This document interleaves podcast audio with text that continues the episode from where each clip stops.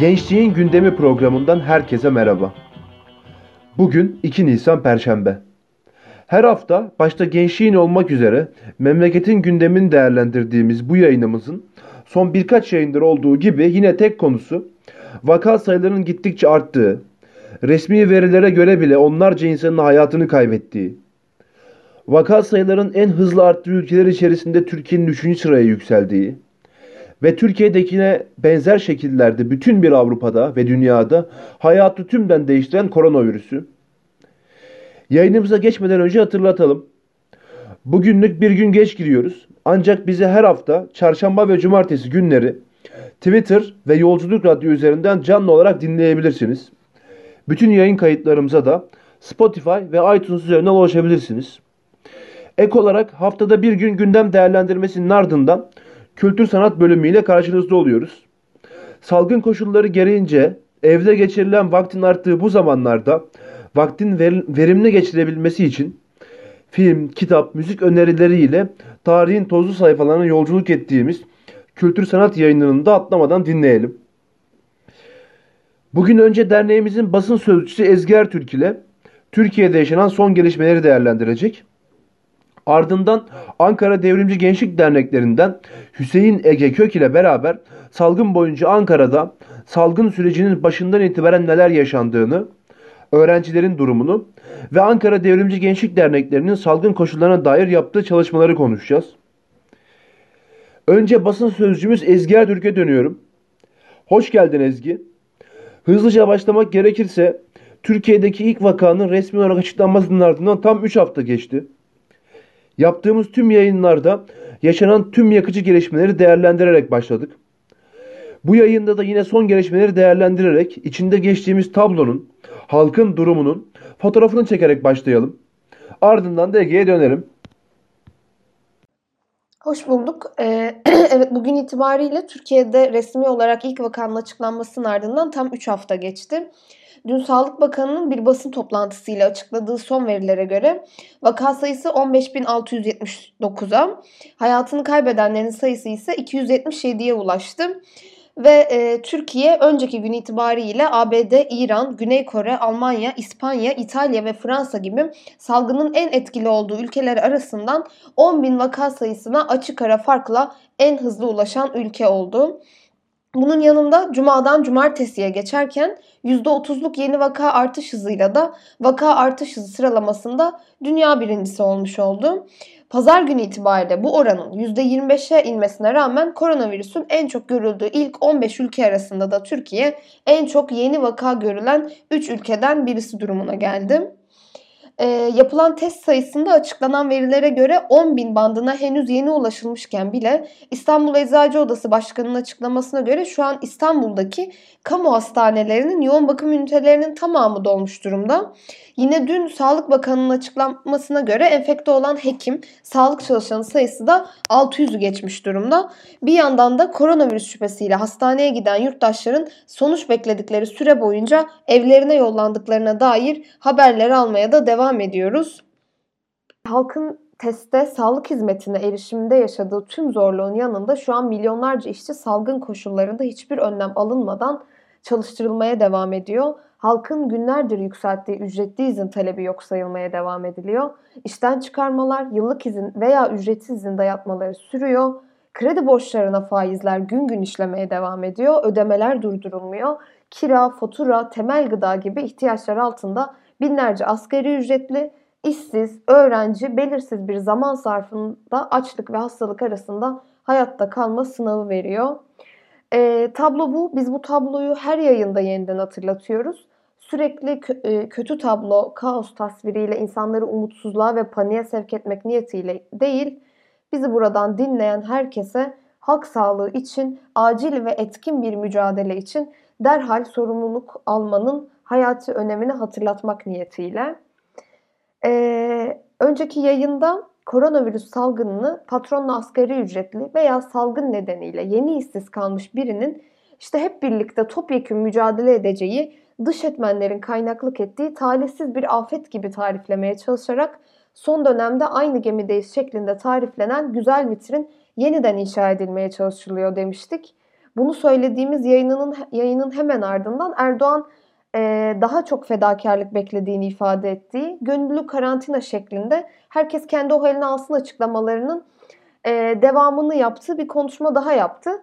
İki gün önce de bu aynı gemideyiz vitrinini inşa eden hamlelerinin bir devamı olarak milli seferberlik ve dayanışma vurgusuyla faturayı halka kesme politikasının bir başka tarifi de olarak biz bize yeteriz dedi ve koronavirüs salgınına karşı mücadele kapsamında milli dayanışma kampanyası başlattığını duyurarak IBAN'ını paylaştı. Ee, Erdoğan bu kampanyası ile bir taraftan İstanbul ve Ankara Büyükşehir Belediyelerinden de rol çalmış oldu.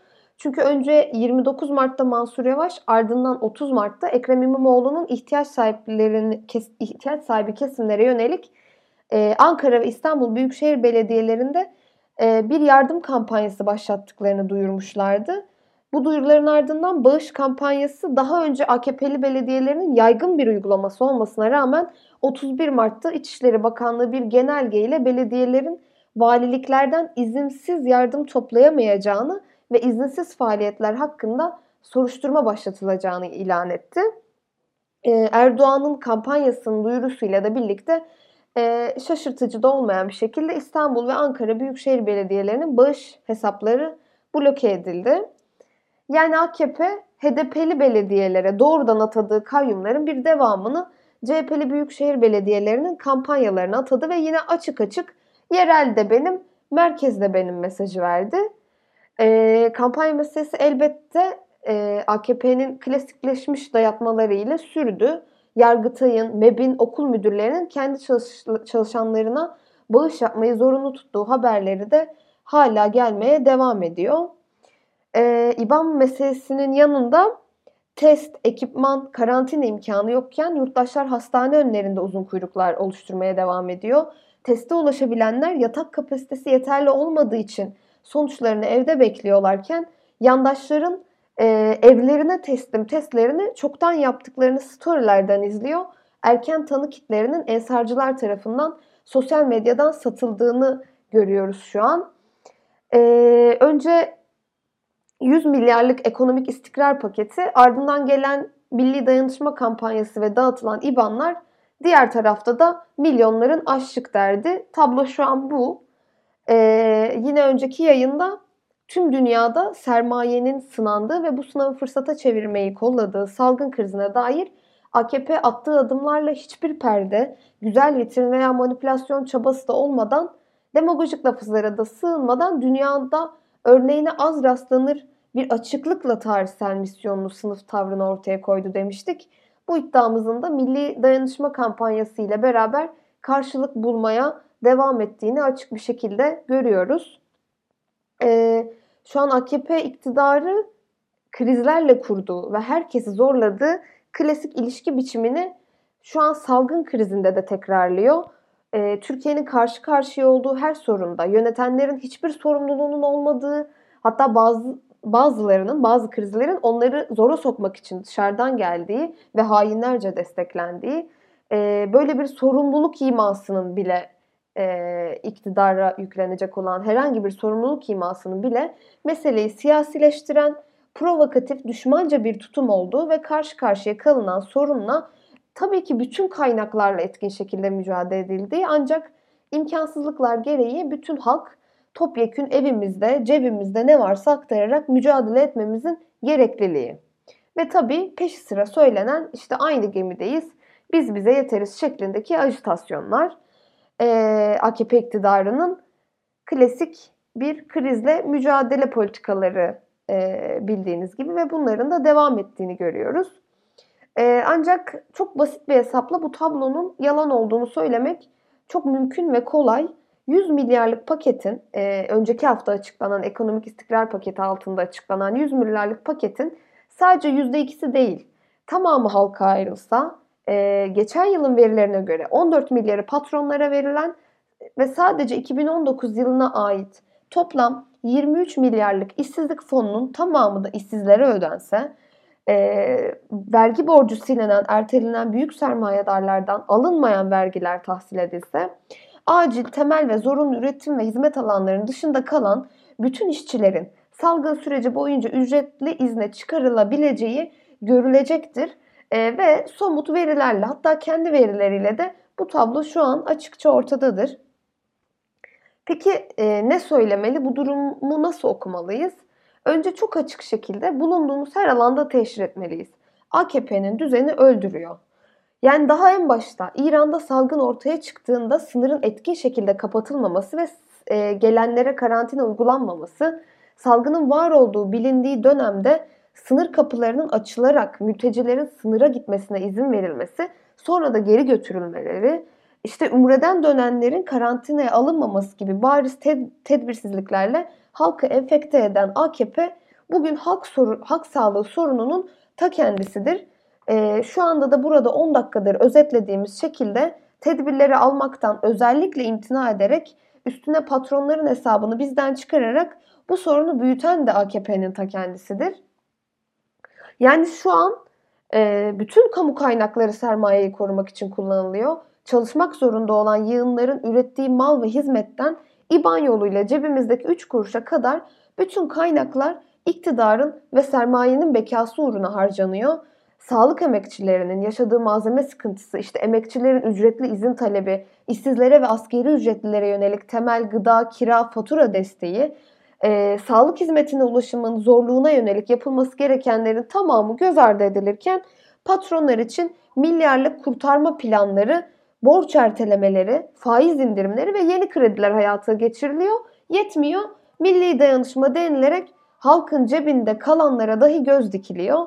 Yani şu an AKP silahla bombayla değil belki ama e, açıkça halkın sırtından sermayeyi kurtarıp halkı açlık ve hastalık ikilemi arasında potansiyel bir şekilde ölüme terk ederek olası kasla canımıza kastediyor. Çünkü bugün yıllardır süren sömürü ve sefalet düzeninin mağdurları da failleri de kapitalizm, kapitalizmin birikmiş tahribatıyla en somut biçimde yüzleşiyor. İnsanlığın tüm birikimlerini, kazanılmış tüm hakları ve doğanın bütün kaynaklarını kar hedefine yedekleyen kapitalizm ve neoliberal dönüşüm şu an var gücüyle geri tepiyor.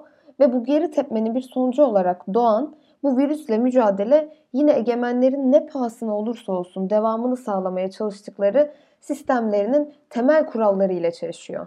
Yani olağanüstü dönemde devreye girecek şekilde acil durum sistemi inşa etmeyi fazladan maliyet olarak gören de bu virüsü yaratan da kapitalizmin kendisi. E, halk sağlığı için virüsle etkin mücadele de insan hayatı yerine kısa vadeli karı feda etmeyi gerektiriyor ve bu gereklilik kapitalizmin sürdürülebilirlik politikalarının temel koşullarını çiğniyor. Bu yüzden Türkiye'de ve dünyada egemenlerin ve patronların hamleleri hak lehine değil piyasa lehine işliyor. Ee, şu an ABD'den ABD'den İngiltere'ye, İtalya'dan İspanya'ya kadar çok sayıda güçlü sayılabilecek devlet bile bu sömürü çarkının kısa bir süreliğine dahi durdurmanın e, maliyetine katlanamayarak insanların bir kısmını açıkça feda ediyor. E, Texas Vali Yardımcısı yaşlılar ölmeye hazır, bütün ülkeyi feda etmeyelim diyor. ABD de kendi projeksiyonlarına göre toplam 200 bin kişinin öleceğini öngördüklerini ve bu sayıda kalmalarının kendileri için bir başarı olacağını ifade ediyor. Ee, bir de dünyada az görülür bir açıklık ve saldırganlıkla süreci hem ekonomik hem siyasi olarak fırsata çevireceğini her adımda gözler önüne süren AKP için de e, bu tablo daha ağır. E, 100 bin, 200 bin hatta 500 bin kişinin ölmesini göze alamayacaklarını düşünmek bizim için de şu an ciddi bir yanılgı. E, şimdiden herkesi kurtarmak niyetinde olmadıklarını açıkça her adımda gösteren AKP için bu sayılar e, şimdiden zaten gözden çıkarılmış durumda. E, devam edilmek istenen bu yolda da vücut direnci düşük, işte sağlık sistemine erişimi zor, çoğunluğu yoksul olan halka açıkça yer yok. E, bu yüzden AKP'nin yangından ilk patronları kurtarıyor. Evet ve bu konuda mutabakatımız halkın krizle e, üstünde salgın kriziyle bir de karşılaştığı tabloya olan öfkesiyle güçleniyor evet. Ancak ikinci seçenekler içinde dahi olsa egemenlerden bizi de kurtarma hamlesi beklemek de yine şu an büyük bir yanılgı olacaktır. Sözlerimi bitirirken her zaman olduğu gibi yine tek bir çağrıyı tekrarlayacağım. Ee, birbirine yetecek ve bundan başkası başka çaresi olmayanlar bizleriz. E, bu tablodan daha az hasarla çıkmamızın tek koşulu da dayanışma ve sürecin faillerini cepheden karşısına alan bir mücadele attı. E, balkonlardan, pencerelerden, iyice esnekleşmiş çalışma koşulları içinde evden çalıştığımız masadan, fabrikalardan, hastanelerden sesimizi yükseltelim. Bugünden salgın sonrasına şimdi öncelikle halk sağlığı için sonra da bizi öldüren bu sistemin topyekün yıkımına kadar e, bu mücadeleyi büyütelim. Biraz uzunca bir cevap oldu. Şimdilik sözlerimi böylece bitirmiş olayım. Haftaya yeniden görüşmek üzere diyeyim. Hoşçakalın. Basın sözcümüz Ezgi Ertürk'e çok teşekkür ediyoruz. Uzunca bir şekilde tüm tabloyu, güncel veriler ve son gelişmelerle beraber ayrıntılı bir şekilde değerlendirdi bizim için. Ankara Devrimiz Gençlik Derneklerinden Hüseyin Ege Kök'e dönüyorum şimdi. Öncelikle yayınımıza hoş geldin Ege. Memleketin ve dünyanın en kritik gündemlerinden biri olan koronavirüsünü konuşuyoruz son birkaç yayındır. Ezgi de bugün son görüşmeleri değerlendirdi bizim için. Seninle de özellikle Ankara'da salgın sürecinden itibaren neler yaşandı? Öğrenciler için tablo nedir? Genel olarak bize bunları özetlemeni istiyorum. Hoş bulduk arkadaşlar. İyi yayınlar diliyorum. Evet sizin de belirttiğiniz gibi gerçekten de son süreçte hepimizin gündemi koronavirüs oldu. Ya, tüm dünya ve memlekette de olduğu gibi Ankara'da da hayatı ciddi oranda etkileyen bir süreç oluyor. E, bu süreçte özellikle İran'dan İstanbul'a sefer yapmakta olan uçağın karantina için Ankara'ya indirilmesi ve Umre'den dönen yurttaşların Gölbaşı'ndaki KYK'larda karantinaya alınması süreci perçinleyen olaylar oldu. E, genel anlamda da Ankara'da sağlık hizmetlerinde en başta yatak sayısının yetersiz oluşundan kaynaklanan bir problem mevcut. Tüm memlekette olduğu gibi aslında. E, ve bu problemin en önemli sebebinin de AKP'nin uyguladığı neoliberal sağlık politikalarının yetersizliği e, olduğunu biz çok iyi biliyoruz. E, AKP bu yetersizlikleri çözmek bir yana bunları dile getirenlere yoğun bir baskı politikası uyguluyor. E, bunun bir örneğini de aslında geçtiğimiz haftalarda Ankara Üniversitesi'nde gördük. Tıp Fakültesi Hastanesi'nde bu yetersizliğe dikkat çeken e, uzman doktor Güne Çınar e, bir verdiği bir briefing esnasında e, e, bu yetersizliğe dair bir söylemde bulunuyor ve vaka sayısının e, bakanlıkça çok çok az e, sayılarla ifade edildiği bir dönemde vakaların binleri bulabileceğini ifade ediyor bildiğiniz üzere ve e, hocamız Güle Çınar'dan başhekimlikçe derhal bir özür mektubu isteniyor ve kamuoyuna e, yayınlanan bu mektup e, durumun ne kadar vahim olduğunu, ne kadar e, vahametini yani bize e, gösteriyor. E, yine sağlık emekçileri bu süreçte eldiven ve maske ihtiyaçlarının yeterince karşılanamıyor oluşundan dolayı risk altındalar ve bu tedbirsizliğin ciddi sorunlara yol açma ihtimalinden ötürü de kaygılılar. E bununla beraber yine Ankara Üniversitesi Hastanesi'nde e, 31 Mart'ta dün e, dev sağlık iş üyesi, hasta bakıcı ve temizlik görevlisi emekçiler sağlık iş kolunda gözükmedikleri ve bakanlığın sağlık çalışanlarına verdiği destekten faydalanamadıkları için hastane önünde bir basın açıklaması gerçekleştirmek istiyorlar. Ancak polis basın açıklamasına izin vermeyerek 5 sağlık emekçisini işkenceyle gözaltına alıyor. Ee, bunun dışında Ankara'da süreç öğrenciler açısından oldukça zorlu geçiyor. E, öğrenciler okulların eğitim öğretimi ara vermesiyle birlikte e, yoğun bir şekilde memleketlerine döndü ancak e, bu esnada hiçbir sağlık önlemi alınmadı. Ankara'da kalmak zorunda olan ve bir önlem olarak da memleketlerine gitmeyen, dönmeyen öğrenciler KYK yurtlarının karantinaya alınmasıyla büyük bir problemle karşılaştılar. Yurtlarından gecenin bir vakti yapılan bir anonsla yurdu boşaltmaları istenen öğrenciler eşyalarını dahi alamadan apar topar yurtlarından çıkarıldılar. E, öğrenciler yaşadıkları bu mağduriyetin ardından KYK'dan bilgi almakta da e, güçlük çektiler. Ve e, öğrencilerin eşyaları e, bilindiği gibi yurtlarda ve bu eşyaların akıbetinin neler ne olacağı da halen e, belirsizliğini sürecin başından beri koruyor. E, kriz ortamında geçinemiyor oluşumuzdan ve 550 lira burs ya da kredinin yaşamak için yeterli olmadığı e, bu süreçte çalışmak zorunda kalan biz öğrenciler de tıpkı memleketteki birçok emekçi gibi ücretsiz izne çıkarıldık. Çalıştığımız e, bütün her yer kapandı ve e, çalışamaz hale geldik.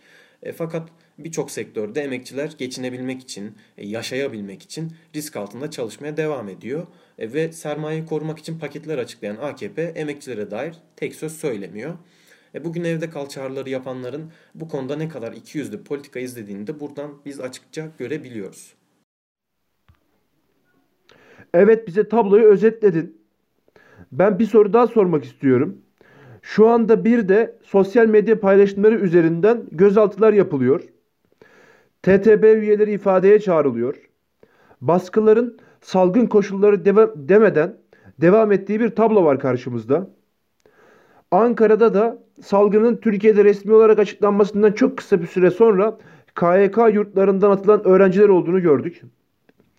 Daha sonra krize karşı eylem yapan öğrencilerin KYK burslarının kesildiği haberini aldık. Bunlara dair değerlendirmeni alalım. Ardından orada salgın koşulları için nasıl bir süreç işletiyorsunuz? Devrimci Gençlik Dernekleri olarak bunu da aktarmanı isteyeyim son olarak. Bildiğiniz gibi geçtiğimiz aylarda birçok arkadaşımızın burs ve kredisi kesildi. E biz bu burs ve kredileri kesilen arkadaşlarımıza dair söz söylemek için insanca yaşamak istiyoruz şiarıyla KYK önünde bir basın açıklaması gerçekleştirmek istedik. Ancak polis bu esnada saldırarak bizim 25 arkadaşımızı darp ederek işkenceyle gözaltına aldı. Ve bu da yetmezmiş gibi KYK eylemlerinin temel talebi arkadaşlarının kredi ve burslarının derhal bağlanması olan bu arkadaşlarımızın 14'ünün daha bursunu ve kredisini kesti. Burada çok saçma bir durum e, oldu e, ve evde kalın çağrısı yapanlar bir yandan bu iki yüzlülüğünün de kendi kendilerini teşhir ediyorlar. Evde kalın çağrısı yapanlar bizim arkadaşlarımızın burslarını, kredilerini kesiyor. Öğrencileri açlığa mahkum ettiğini düşünüyor ve sanıyor. Ancak e, KYK'nın yarattığı mağduriyet bununla da sınırlı kalmıyor. E, bildiğiniz gibi KYK'dan az önce de bahsettiğimiz yurtların durumu ortada. E, biz öğrenciler olarak sosyal medya üzerinden çeşitli eylemliklerde bulunuyoruz. KYK'nın yarattığı bu duruma ve bu mağduriyete karşı e, sorular soruyoruz internet üzerinden ve öyleyse bir kez de buradan soralım. Bu şartlar altında biz öğrenciler, emekçiler nasıl evde kalalım? E, bizim hayatlarımız evlere nasıl sığacak? Kriz ortamında yaşamak için zaten çalışmaya mahkum olan biz öğrenciler çalıştığımız iş yerleri de kapanmışken ve krizin etkilerini daha yoğun bir şekilde hissetmeye başlamışken AKP bizim evde nasıl kalacağımıza dair bir çözüm üretmiyor. Nasıl halkımız üretmiyorsa ve üretemeyeceğini de biz gayet iyi biliyoruz. E biz yaşadığımız bu krizi ancak ve ancak dayanışma ve mücadeleyle aşabileceğimizin farkındayız. Buna dair de mücadeleyi, dayanışmayı büyütmek için e, ÜDA üzerinden bir e, kampanya örüyoruz. Üniversiteli Dayanışma Ağı ve Çaresiz Değiliz Ankara Meclisi ile ortaklaşa ördüğümüz bu kampanyada da e, zor durumda olan yurttaşlarla yemeğimizi, aşımızı e, paylaşmak için evlerimizi aş evlerine dönüştürdük. Ve halkımızı açlığı reva gören, sağlığımızı hiçe sayanlara karşı mücadele çağrımızı da buradan yineliyoruz. Patronlar bizleri değil, kendi ekonomilerini, kendi karlarını düşünüyorlarsa hala biz diyoruz ki tüm hayatı durduralım ve halkın kendi kalkan paketini devreye sokalım. Yani ya ücretli izin ya genel grev. Bize bu krizin faturasını kesmek isteyenlere karşı da örgütlenme çağrısı yapıyoruz. Biz Ankara Devrimci Gençlik Dernekleri olarak bütün sıra arkadaşlarımızı dayanışmaya ve bu kan emici sömürü düzenine karşı, patronlara karşı mücadeleye davet ediyoruz, çağırıyoruz İyi yayınlar diliyoruz yoldaşlara da. Evet, Ankara Devrimci Gençlik Derneklerinden Hüseyin Ege Kök ile basın sözcümüz Ezgi Ertürk'le beraberdik bugün. Koronavirüs sürecine dair son gelişmeleri değerlendirdik. Mevcut tablonun tamamını ve Ankara'daki durumu aktardık sizlere. Şimdilik sözü yayınımızın kültür sanat bölümü için Büşra Islah'a bırakıyorum. Bizi takip etmeye devam edin. Hoşçakalın. Merhaba. Gençliğin gündemin ardından kültür sanat bölümümüzde yeniden bir aradayız. Karantina süreci pek çok alışkanlığın ve ezberin belli kesimler için ters yüz olduğu bir süreç olarak ilerliyor. Pek çok genç, Camus'un yazdığı gibi ruh halini yalnızca gökyüzünün kaprislerine bırakıyor. Katlanılmaz bulunan sessizliğin kendisi mi yoksa gerçekten yaşananların etkisi mi? Bunun kesin bir cevabı olmayabilir fakat her halükarda ne kadar zorlu ve alışılmadık bir süreç olsa da genel durumun sürüklediği yalnızlık hissinin esiri olmamak ve bizi umutsuzluğun pençesine iten düzenin inadına, ona karşı kendimiz için ve herkes için dirençli olmak bir gereklilik olarak karşımızda duruyor. Umudumuzun ve direncimizin can suyu, öldüren düzenin karşısında Malik Yılmaz'ın inatla havaya kalkan sol yumruğudur. Yakındaki ve uzaktaki tüm dost ve yoldaş ellerdir. Geçtiğimiz haftalarda İspanyol gribinden veba salgınlarına kadar pek çok farklı tarihten sayfadaki iz düşümlere göz attık, günümüzde bağını kurduk. Camus, 1947 yılında yayınlanan romanı Veba'da, Fransızların memleketi olan Cezayir'i işgaline karşı bir protesto niteliğinde olmasının yanı sıra vebanın yayılmasını bir metafor olarak kullanmış ve Nazilerin tüm dünyaya karşı oluşturduğu tehdidi betimlemiştir. Bununla birlikte satır aralarında toplumdaki pek çok çatışmaya dair izlenimleri edinebiliyoruz. Bulunduğumuz süreç itibariyle de çok fazlaca benzerliğe tanıklık edebilmemiz mümkün aslında. Anlatıcının kentlilerin de kaygılanmaya başladığı süreç olarak tariflediği, artık fabrikaların ve ambarların yüzlerce fare cesediyle dolup taştığı günlerin ardından gazeteler bu duruma karşı belediyenin önlem alıp almadığı hakkında yazmaya başladığı bir bölümü okuruz. Tabii bu süreçte belediye hiçbir önlem almış değildi ki sonrasında da durumun kaynağını ve olası önlemlere dair politikalar üretmek yerine yalnızca ölü faillerin ortadan kaldırılmasıyla yetinildi. Günümüzde de iktidarların depremden salgın hastalıklara kadar herhangi bir durum karşısında önlemi önceden almak yerine ancak durum kontrol edilemeyecek noktaya vardığında bir şeyler yapıyor gibi görünmeye çalışması, insan hayatını kurtarmaktan ziyade günü ve itibarı kurtarmaya yönelik çıkarcı reflekslerle hareket etmesi, eskiden bugüne miras gibi aktarılmış ve gittikçe de daha da sivrilmiş ve pişkinleşmiş bir eğilim. Doktorlar vakalarla alakalı hesap yapana kadar ne basın ne yurttaşlar bu meseleyle ilgilenmiştir. Çünkü Camus'un de ifade ettiği gibi sanki doğalına göre olması gereken fareler sokakta, insanlar evlerinde ölür ezberiydi. Neden öldükleri konusuna dair ise bir itki unsuru olmadığı takdirde kimse kafa yormadığı ve kentlilerin ancak hayatını yitiren kapıcının ardından yoksul ya da kapıcı olmayan bazı kişilerde ölmeye başladıkça korkuya kapıldıklarını görürüz. Kendilerini özgür sanıyorlardı Oysa felaketler oldukça kimse asla özgür olmayacak cümlesiyle bize çevremizden aşina olduğumuz bir kanıksanmışlığı da hatırlatıyor Camus. E, hastanelere baktığımız zaman yoksullar için alelacele öteki hastaların boşalttığı, kordonlarla çevrili bir koğuş, alınan yetersiz önlemler ve ölüm görüyoruz. Bugün kordonların kullanılmaması gibi birkaç ufak tefek değişiklikle düzen içinde yoksulları bekleyen şeyin hala benzer olduğu tespitini yapmamız için dahi olmamıza gerek yok. Zaten her gün bu gerçeklikle birlikte yaşamanın yanı sıra kendi çıkarları uğruna aldıkları her hamle esnasında halkın üzerine sallandırmaya devam ettikleri kırıçlar yer yerinde durmaya devam ediyor. Tüm bunlar olurken tarihte her zaman benzer bir kopyasının ağzından aynı ilahi lafızların çıktığını gördüğümüz Katolik rahipse halka felaketin eşiğindeyken bunu hak ettiklerini, ahlaksızlığın ve taşkınlığın karşısında Tanrı'nın ahitte de geçtiği gibi kendilerine bir lütuf gönderdiğini vaaz eder. İncil'deki tarihte bu felaketin ilk kez ortaya çıkışı Tanrı düşmanlarının cezalandırılması nedeniyledir. Firavun sonsuz tasarılara karşı çıkıyordu ve veba ona diz çöktürdü. Tüm tarihin başından bu yana Tanrı'nın bu felaketi kibirlileri ve köyleri dize getirmiştir.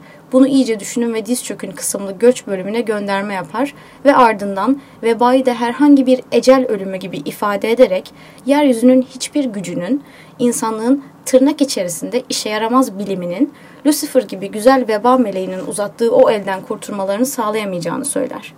Diğer tarafta ise yönetim veba olarak kabul etse de etmese de gerekli önlemlerin alınması için uğraşan doktor vardır.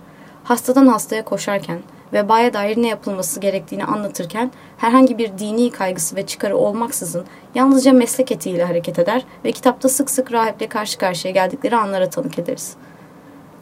Hangi yılda tariflenirse tariflensin, günümüze fazlasıyla benzer tavır alışları saptayabiliyoruz. Bugünlük bu kadarına değinelim.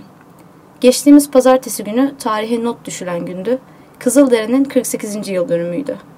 Gençliğin mevcut düzene başkaldırısının adı olan Mahir ve yoldaşlarının emperyalizme ve faşizme karşı mücadele tarihinden geldiğimizin bilinciyle düzenin karşısında olmaya devam edeceğiz. Bugünlük sizlere Grup Munzur'dan Mahir ile yoldaşlarıyla veda ediyoruz. Hoşçakalın.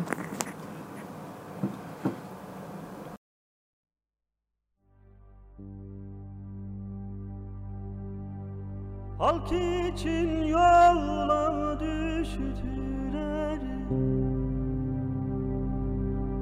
Halk için yola düştüler. Mahir ile yoldaşlar নিজে